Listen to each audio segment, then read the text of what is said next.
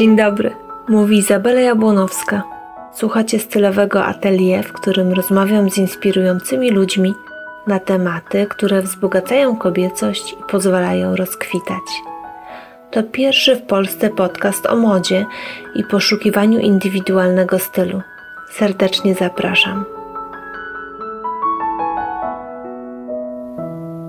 Dzień dobry. Dzisiejszym gościem jest Justyna Rodziewicz-Siecińska, żona, mama, wokalistka zespołu rockowego, przedsiębiorczyni, dusza społeczna. Poznałyśmy się hmm, chyba już parę lat temu podczas szkolenia u Kuby Bączka. Zgadza się. Siedziałyśmy koło siebie, robiłyśmy wspólnie notatki, wykonywałyśmy ćwiczenia. I jakoś jakaś taka nić sympatii między nami powstała, bo od tamtego czasu e, przeprowadziłyśmy parę rozmów mm, i widzimy, że mamy ze sobą wspólne obszary, wspólne tematy, o których też chciałybyśmy dzisiaj porozmawiać. Sponsorem dzisiejszego odcinka jest e, Real Estate Services. A Ciebie, Justyno, chciałam zapytać, e, na jakich płaszczyznach realizujesz swoją osobowość i kobiecość? Bo to, co powiedziałam, to tylko namiastka. Wiesz co, realizuję się przede wszystkim jako mama. Druga moja rola to jest moja firma, zajmuję się nieruchomościami i tutaj jak gdyby się realizuję i sprawdzam, ciągle się ucząc czegoś nowego. Zarazem pomagam wielu instytucjom w zależności od potrzeby. Moim takim konikiem jest wspieranie kobiet, e, ale nie tylko. E, kolejna rzecz to taka pasja, jaką jest muzyka, która towarzyszyła mi od dzieciństwa. Przez pewien czas była to też yoga, z której na razie musiałam zrezygnować. Mam nadzieję, że do niej niebawem wrócę.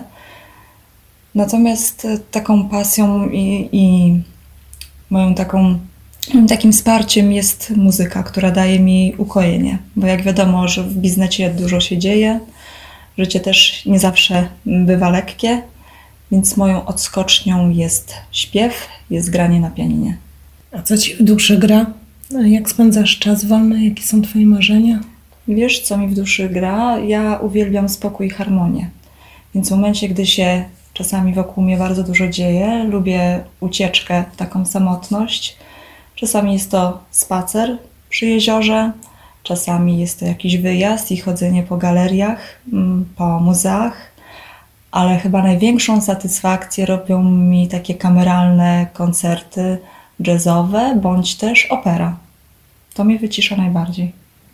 Czasami jest tak, że odkładamy marzenia na później i często słyszę, że ktoś zaczyna śpiewać albo grać w dorosłym życiu, że niekoniecznie y, od dziecka ta, ta muzyka jest, ta pasja jest rozwijana, nie zawsze miał taką możliwość. Jak to było u Ciebie? Wiesz co, ja zwykle byłam dość aktywnym dzieckiem, w sensie spokojnym, bardzo grzecznym, introwertycznym wręcz, natomiast e, zawsze brałam udział w jakichś apelach, w organizowanych koncertach, w chórku śpiewałam dziecięcym. E, I ta muzyka gdzieś tam się mm, ciągnęła za mną. W rodzinie nie mam osób wykształconych muzycznie, więc nie miałam z tym do czynienia. Natomiast gdzieś to się przeplatało. Potem chodziłam do ogniska muzycznego, uczyłam się wtedy grać na pianinie. Potem przyszła, przyszło dorastanie. Te, te pianino już yy, nie było takie fajne. Już wolałam muzykę rockową, tak?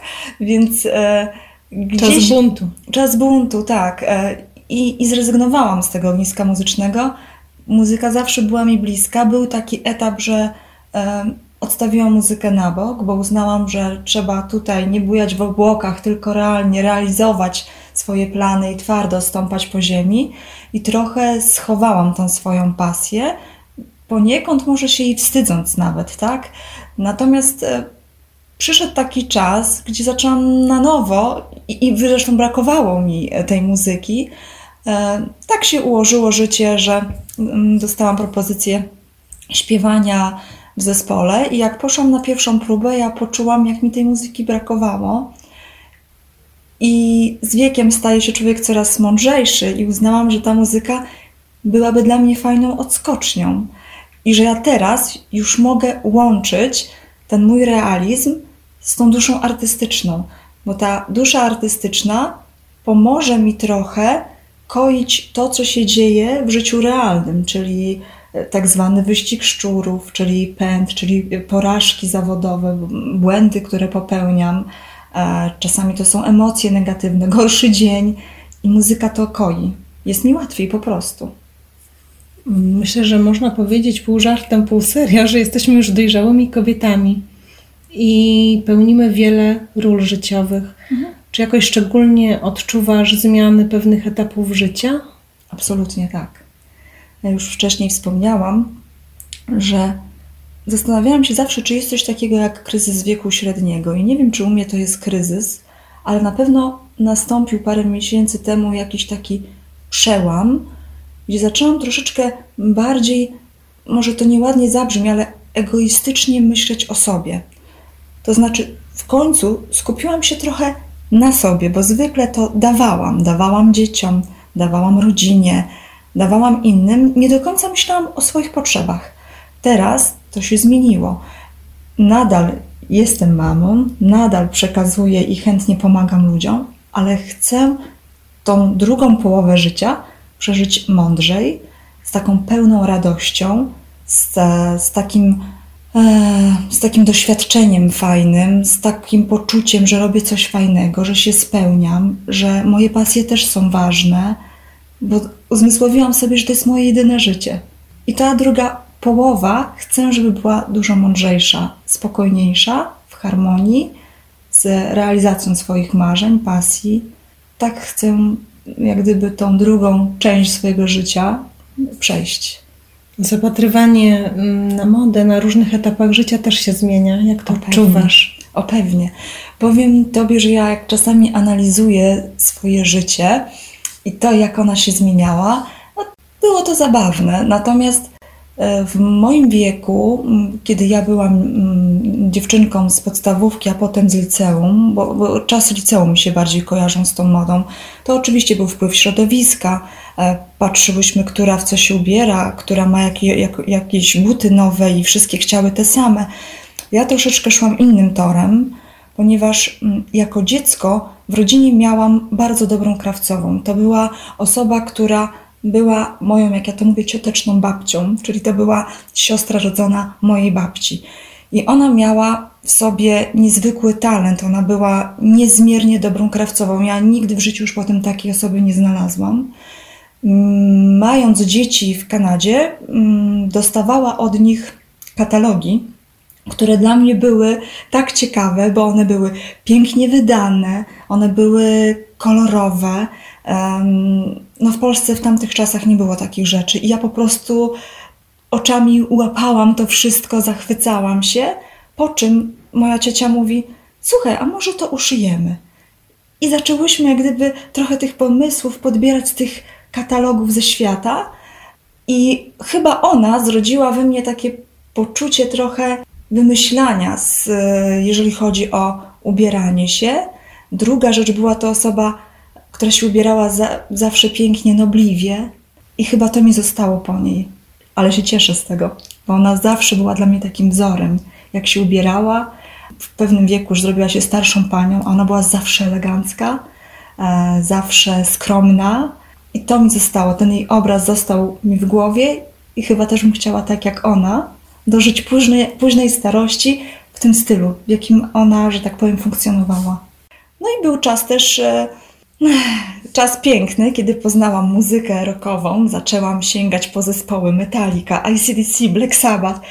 Też to wpłynęło na mój ubiór, ale ja zwykle, słuchając tej muzyki, mimo wszystko chodziłam w jedwabnej bluzeczce z żabotem, z ładnymi guziczkami, które gdzieś wyszukiwałam. E, może to się kłóciło z tym, co e, słuchałam, ale mi się to podobało. I ostatnio nawet zerkałam na swoje zdjęcia z czasów szkolnych, z to były zdjęcia z czasów licealnych. Uśmiech mi się pojawiał na twarzy i zastanawiałam się, jak mnie otoczenie odbierało, bo zwykle koleżanki, t-shirt, jeansy, a ja okej, okay, jeansy tak, ale gdzieś tam zawsze ta koszulka, bluzka jedwabna była. Także na pewno się odróżniałam. Przełom też był w kolorach. Wcześniej chodziłam w stonowanych kolorach. Teraz od jakiegoś roku. Czyli jak gdyby jak wyszłam w ten okres dojrzały, mam ochotę na rzeczy bardziej wyraziste. Na czerwień, po którą nigdy nie sięgałam. Nigdy. Na zieleń soczystą, na róż. Dla mnie te kolory były absolutnie zakrzykliwe. E, teraz po nie sięgam, tak? E, nigdy nie chodziłam z wielkimi dekoltami, z krótkimi spódniczkami. E, tego nadal nie robię, ale już sobie pozwalam na troszeczkę większy dekolt. Mm, mam chęć czucia, poczucia tej kobiecości, zmysłowości, elegancji, podkreślenie tej kobiecości. Dziś mam taką potrzebę. Nie wiem skąd to się wzięło, dlaczego, ale chyba też z takiego e, dojrzewania po prostu. Czyli w zasadzie w środku eksplozja, a na zewnątrz elegancja. Coś w tym stylu, tak.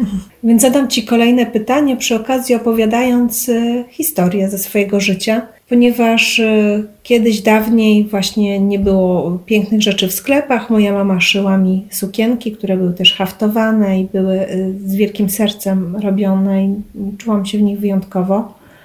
Mm, I nie było też wypożyczalni strojów karnawałowych, a było dużo takich okazji. W przedszkolach, w zakładach pracy takie, takie bale się odbywały. I pamiętam szczególnie taki rok, kiedy mama na bal w przedszkolu przerobiła mi swoją suknię ślubną. I zresztą sama sobie szyła tą suknię ślubną. I to była żółta suknia, taka yy, wściekle żółta. W zasadzie to był taki kolor yy, coś między miodem a płatkami słonecznika. I ona była obszywana pasami białej koronki, więc ona wydawała się biała, ale była żółtym podkładem. To było takie mm, mrugnięcie oka. I mama przerobiła tą suknię. Faktycznie jeszcze miałam do tego dorobiony jakby cały taki, y, taką otoczkę, bo miałam uszyte rękawiczki koronkowe długie z falbanką, takie aż za łokieć, miałam prawdziwy wachlarz y, ręcznie malowany y, i czułam się jak księżniczka. I ten moment, kiedy weszłam do sali, a po prostu wszystkich zatkało od pań, które, które wtedy mm, były naszymi opiekunkami, po dzieci, po dziewczynki i był ten zachwyt. I ja naprawdę czułam się mm, tak pięknie w tej sukni. Do tej pory kocham sukienki, czuję się w nich wyjątkowo i naprawdę czuję się w nich jak księżniczka. Jest to taka jakaś forma kobiecości, która powstała we mnie wtedy, że ja w tej sukience czuję się tak wyjątkowo. I chciałam zapytać, czym jest dla ciebie sukienka? Czy, czy jakoś odczuwasz ją szczególnie? A zarazem Y, bo mówiłaś o, o tej osobie szyjącej ubrania. Czy może ona kiedyś uszyła dla ciebie coś takiego, że pamiętasz to do teraz? Jakąś taką konkretną rzecz, że ona była mm, taka formująca dla ciebie, jeśli tak, chodzi o była, styl? To była bluzka z białego jedwabiu ze złotymi guziczkami, jakąś taką perełkę miały te guziczki. Pamiętam dokładnie ich kształt, ich wygląd, krój. E, trochę to wyglądało, wiesz, jak z filmu Czterech Muszkieterów, tak? Mhm. ona była tak mhm. robiona w ten sposób.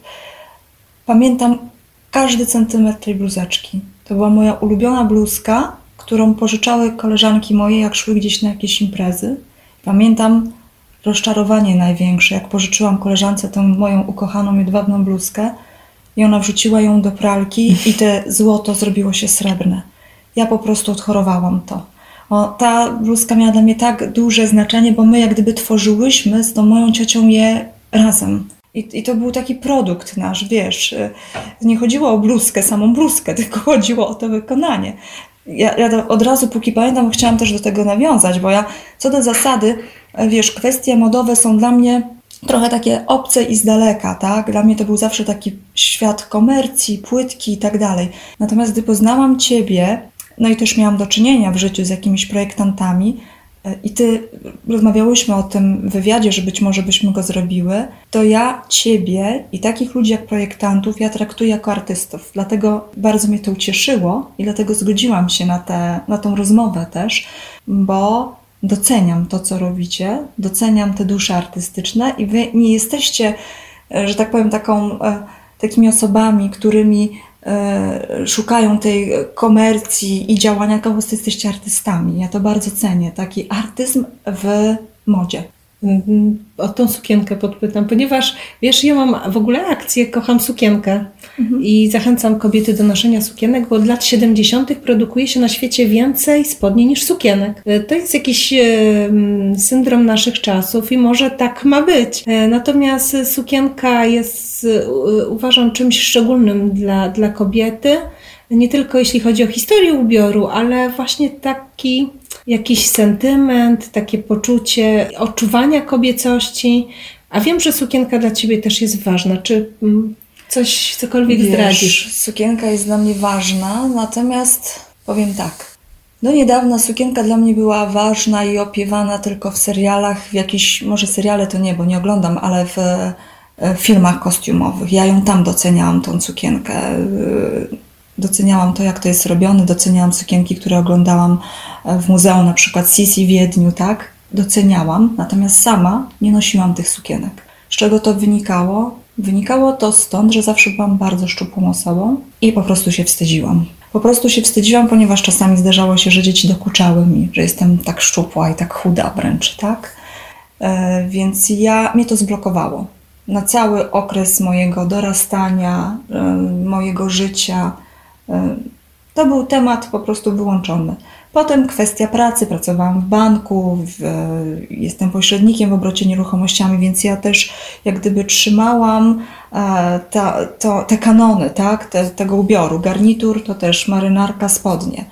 E, natomiast dosłownie myślę, że od roku coś się zmieniło. To, to nawiązuje do tego, co mówiłam wcześniej odnośnie w cudzysłowie e, kryzysu wieku średniego, czy inaczej odnalezienia swojej kobiecości, e, odważyłam się i założyłam po raz pierwszy po wielu, wielu latach sukienkę, do której teraz sięgam dość, dość często.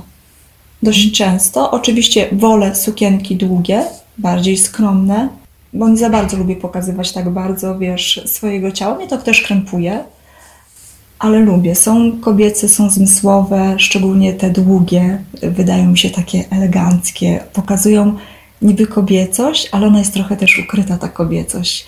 Są romantyczne, są zwiewne, nostalgiczne.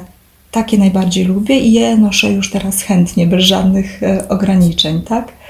Więc pewnie tak, te sukienki jednak to, to jest nasza kobiecość. Łączysz e, świat artystyczny ze światem biznesowym. Jakich takich przełomowych momentów w sposobie ubierania się doświadczyłaś? Pewnie to, gdy zostałam mamą, to był jeden taki większy przełom. Zaczęłam się zastanawiać, co wypada, co nie wypada. Bo... I co jest wygodne do piaskownicy, tak. a co jest odpowiednie do pracy. Dokładnie. Z tą formą jak gdyby eleganckiego ubioru nie miałam nigdy problemu, bo ona gdzieś tam była ze mną od dziecka i ja z tym nie mam problemu. Natomiast gdy zaczęłam śpiewać w zespole rockowym, pojawił się kolejny problem, bo ja po prostu nie miałam tego wyczucia stylu rockowego. Styl rockowy nie jest do końca mój jakieś jety, łańcuchy, wiesz, to nie jest mój styl.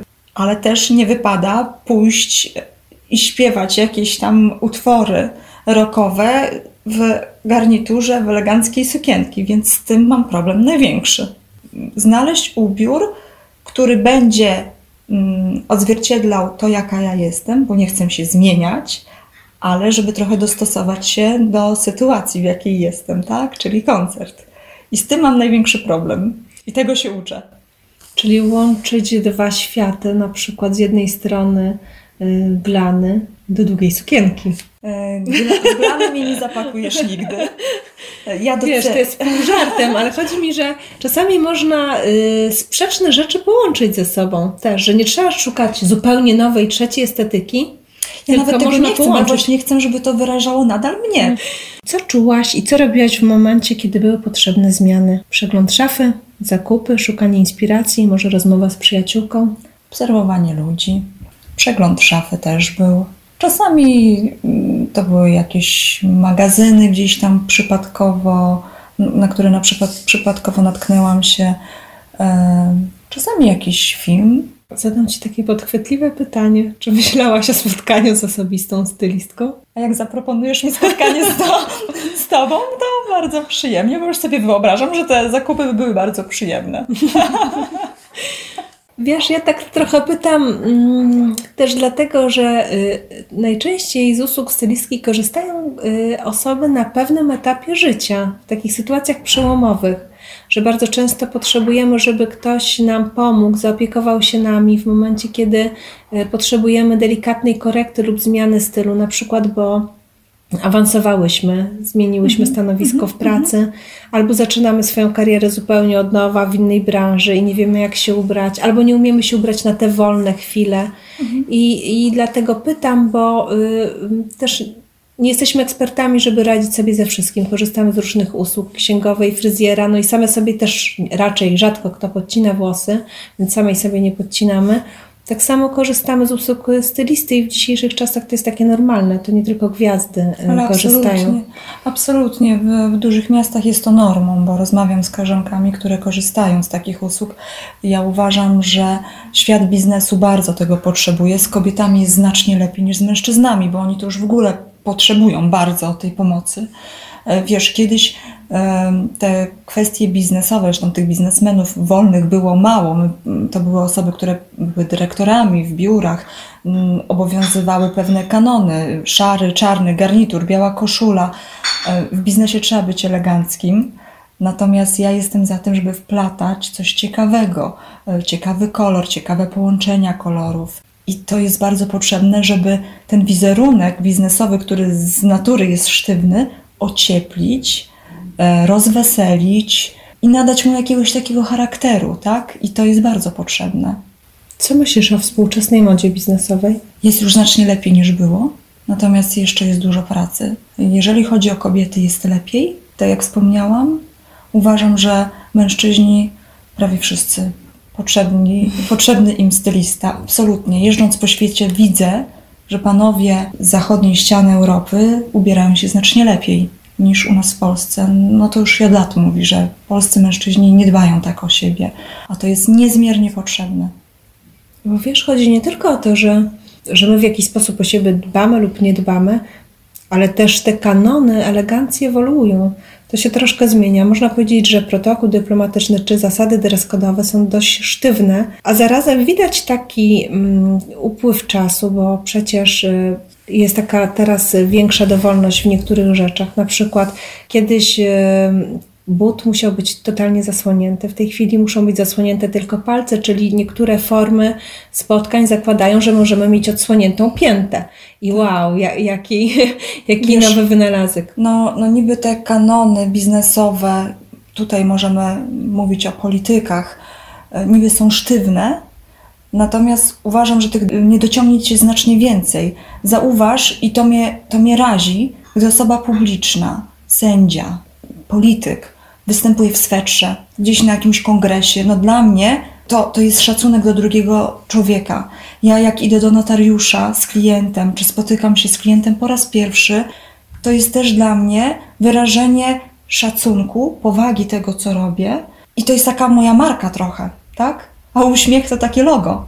Więc ja uważam, że mm, osoby publiczne popełniają znacznie więcej błędów, w sensie takim, że nie wypada czasami ubierać się w niektórych sytuacjach, jak, jak to teraz jest widoczne. I na to jest przyzwolenie. Dlatego uważam, że jak moda i stylista wejdzie w ten świat i by to go trochę naprawił, to uważam, że na pewno nie zaszkodzi. Cieszę się, że to mówisz, dlatego że zawsze mówię, że strój to mm, nie próżność, tylko dobre maniery. Że, Dokładnie. że to jest ten szacunek do innych, to też zawsze powtarzam, ale, ale właśnie mm, jest coś takiego, że nie zawsze to wynosimy dom, z domu i trzeba się tego nauczyć tak, po dokładnie. prostu, tak jak innych rzeczy, których się uczymy i nabywamy, to, to trudno nauczyć się dobrego zmysłu, takiej wyobraźni plastycznej. To już nie każdy ma.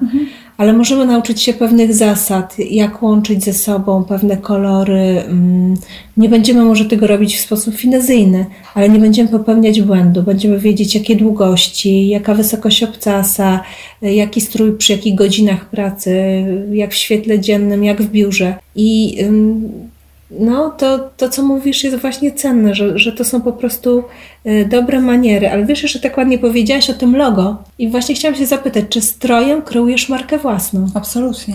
Absolutnie tak. Ja wiesz, no wystarczy ubrać się w dresy bądź też jakiś sportowy strój i pójść załatwić sprawę w urzędzie. Czasami tak mi się zdarzało, rzadko.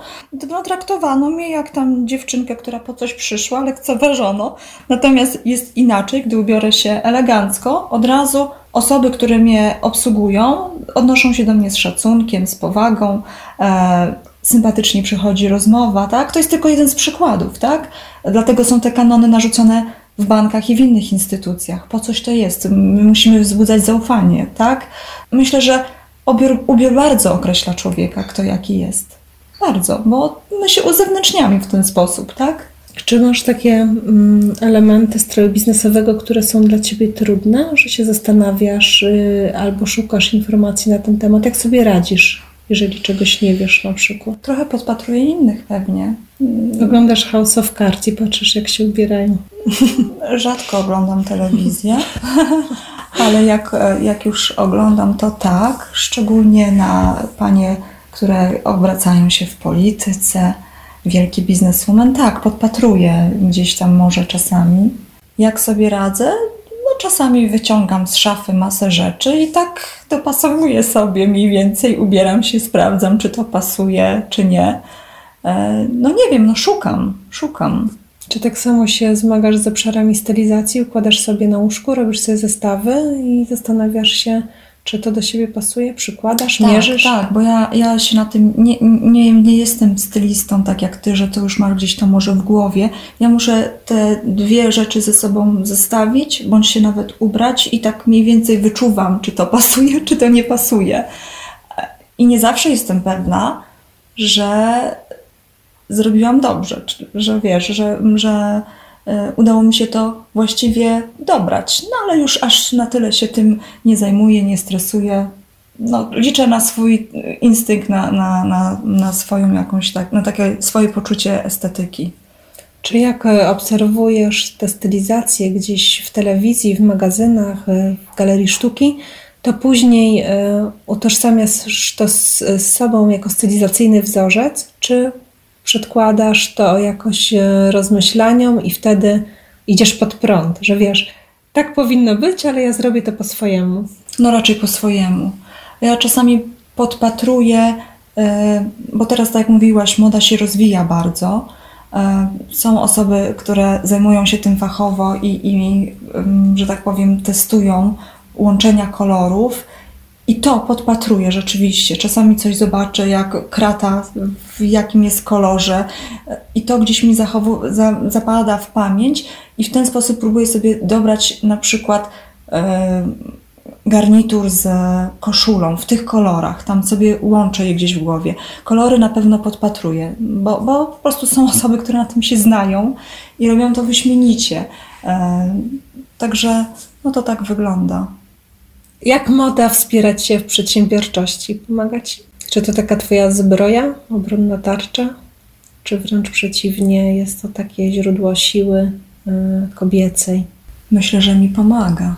Myślę, że mi pomaga, pewnie dodaje jakiejś pewności siebie, mm, takiego określenia siebie. Już nie wspomnę o modzie związanej z nieruchomościami, tak? z budynkami, z wnętrzem. To wielką e, gra rolę moda, albo moda na reklamowanie swojej firmy też, e, że tak powiem, mm, stanowi wielką rolę w tym. Jeżeli chodzi o sam ubiór, no tak, wiesz, ja tak się mocno nad tym nie zastanawiam, natomiast na pewno mam takie poczucie, że muszę wyglądać schludnie, że muszę wyglądać elegancko ze względu na to, czym się zajmuję. I ze względu na to, że taka jestem, zawsze lubiłam e, elegancję. E, I taka po prostu jestem. Niezależnie jakim... od tego, co robię. Mhm. W jakim konkretnie ubraniu czujesz się najbardziej sobą, że to jest taka Twoja wizytówka? No, chyba rzeczywiście to będzie e, garnitur. Garnitur, jakaś bluzka, top, koszula. Hmm? Oczywiście z jakąś broszką, bądź też z jakimś kolczykiem, z jakimś dodatkiem biżuterii. Bo mm, teraz jeszcze jak mówimy o tej modzie biznesowej, to muszę powiedzieć, że w protokole dyplomatycznym przecież na przykład te koronowane głowy muszą się wręcz ubierać na takie kolory mocno nasycone. A no. tutaj, wiesz, w takich biznesowych e, realiach mówi się, że orły są szare, papugi pstrokate, że wręcz jest taki preferowany stonowany ubiór, te kolory takie stonowane i kobiety szukają takich form kobiecości, mm, które pozwolą im się jakoś wyrazić tą osobowość, że to ubranie nie jest takim tylko mundurem, tylko wiesz, na przykład, jeżeli ty jesteś artystką i kochasz muzykę, to mogłabyś założyć spinki do mankietów, y, które mają kształt fortepianu, gitary, są Znalazłam takie rzeczy. takie ostatnio. No właśnie. Więc są takie, takie małe mm, szczęścia, które pozwalają zaistnieć też y, modowo i, i się pokazać. Powiedziałaś o tych dodatkach biżuterii, to myślę, że to jest właśnie takie, taki klucz tej mody biznesowej, żeby ona nie była taka chłodna, prawda? Tylko... Dokładnie. Natomiast wiesz, jestem za tym, żeby właśnie była odważniejsza, kobieca, weselsza. Natomiast e, czasami obserwuję wygląd chociażby królowej Elżbiety. Jestem często zszokowana, ponieważ ta starsza pani e, ubierają ją czy doradzają jej tak takie odważne kolory. Czasami to są takie młodzieńcze pastele, gdzie mi się bardzo to gryzie. Ja się na tym nie znam, absolutnie. To robią fachowcy pewnie, ale ja to odbieram za bardzo odważnie, a po niektóre jej kostiumy ja bym nie sięgnęła, mimo że jestem dużo młodsza jestem zdziwiona. No fasony są nobliwe, jest... kolory są krzykliwe, ale w dyplomacji tak jest właśnie, że y, to jest królowa, więc ją musi być widać z daleka. Musi no być widać, tak. Także to jest jakby kanon, który istnieje od setek lat i do tego kanonu po prostu y, ona się dostosowuje. Ale faktycznie. Yy... Wiesz, ja bym chciała, żeby to się kojarzyło dobrze, ale absolutnie bym nie chciała wyglądać krzykliwie i wyzywająco. Nie. Mhm. Teraz troszkę y, zmienimy temat, bo bym poszła bardziej w kobiecość. Ciekawi mnie, kim jest dla Ciebie kobieta spełniona? Kobieta spełniona to kobieta szczęśliwa przede wszystkim. A w tym szczęściu będzie wiele rzeczy. Zdrowie najbliższych i własne. To będzie spełnienie zawodowe. To będzie miłość. Wszelka miłość. I to będzie na pewno spełnianie swoich marzeń, pasji. Uważam, że bez pasji jest puste. Czy naturalność w wyrażaniu kobiecości jest szlachetna? Teraz ciągle widzę y, długie szpony, wielkie wachlarze sztucznych rzęs, a to w biznesie też nie jest dobrze widziane, y, co, co wynika z etykiety i ponadczasowych zasad savoir-vivre. Co myślisz o tej naturalności, nienaturalności? Co obserwujesz? Wiesz, no jestem za tym, żeby mimo wszystko kobiety dbały o siebie, ale żeby były w tym naturalne. Nie lubię mm, osób, które zbyt często i zbyt radykalnie poddają się jakimś zabiegom głębokim, estetycznym. No wygląda to niedobrze. Natomiast e, owszem, jeżeli to ma być jakaś maseczka, coś, co jest w miarę naturalne, delikatne. Okej, okay. I, I, trzeba, no my musimy kobiety dbać o siebie, używając jakiś dobry krem. Czasami mam wrażenie, że to po prostu sprawia taką przyjemność samą dla siebie, że coś rozrobiłam dla siebie, mimo że w efekty nie wierzę często, e, ale sprawia mi jakąś przyjemność, że zrobiłam coś dla siebie, tak? Czuję się lepiej. I myślę, że większość pań tak ma. E, natomiast absolutnie jestem za tym, żeby zachować umiar. Absolutnie. Mm, angażujesz się też społecznie.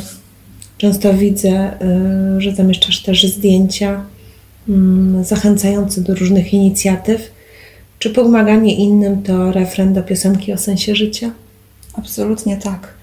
Wiesz, y, w dobie biznesu i w dobie dzisiejszego życia, pędu, gonitwy, konkurencji, bezwzględności, to są elementy, które jeszcze pokazują mi taką, takie człowieczeństwo, które jeszcze jest we mnie, mam nadzieję, że nigdy nie zniknie. Daje mi to ogromną satysfakcję. Robię to bezinteresownie. Po prostu, jeżeli się uda, ktoś powie dziękuję, albo nawet jak tego nie powie, a ja będę wiedziała, że poszło w dobrą stronę, to mam taką satysfakcję wewnętrzną. Im więcej, że tak powiem, pracuję i im więcej mam tego biznesu, tym bardziej potrzebuję mm, takich naszych naturalnych, pierwotnych zachowań, obcowania z przyrodą, e, pomaganie innym, pomaga mi nie zagubić się w tym świecie. Pomaga mi pokazać i innym pokazać, że, że są te wartości, których nie powinniśmy zatracić w dobie komputerów, w dobie maszyn, w dobie całego szaleństwa, jakie teraz nas otacza. Także jest to dla mnie taka wisienka na torcie, jeżeli bym miała podsumować swoje życie. Fajnie jest się spełniać, mieć pasję, ale pomaganie jest czymś takim jeszcze wyżej. Daje mi satysfakcję wielką.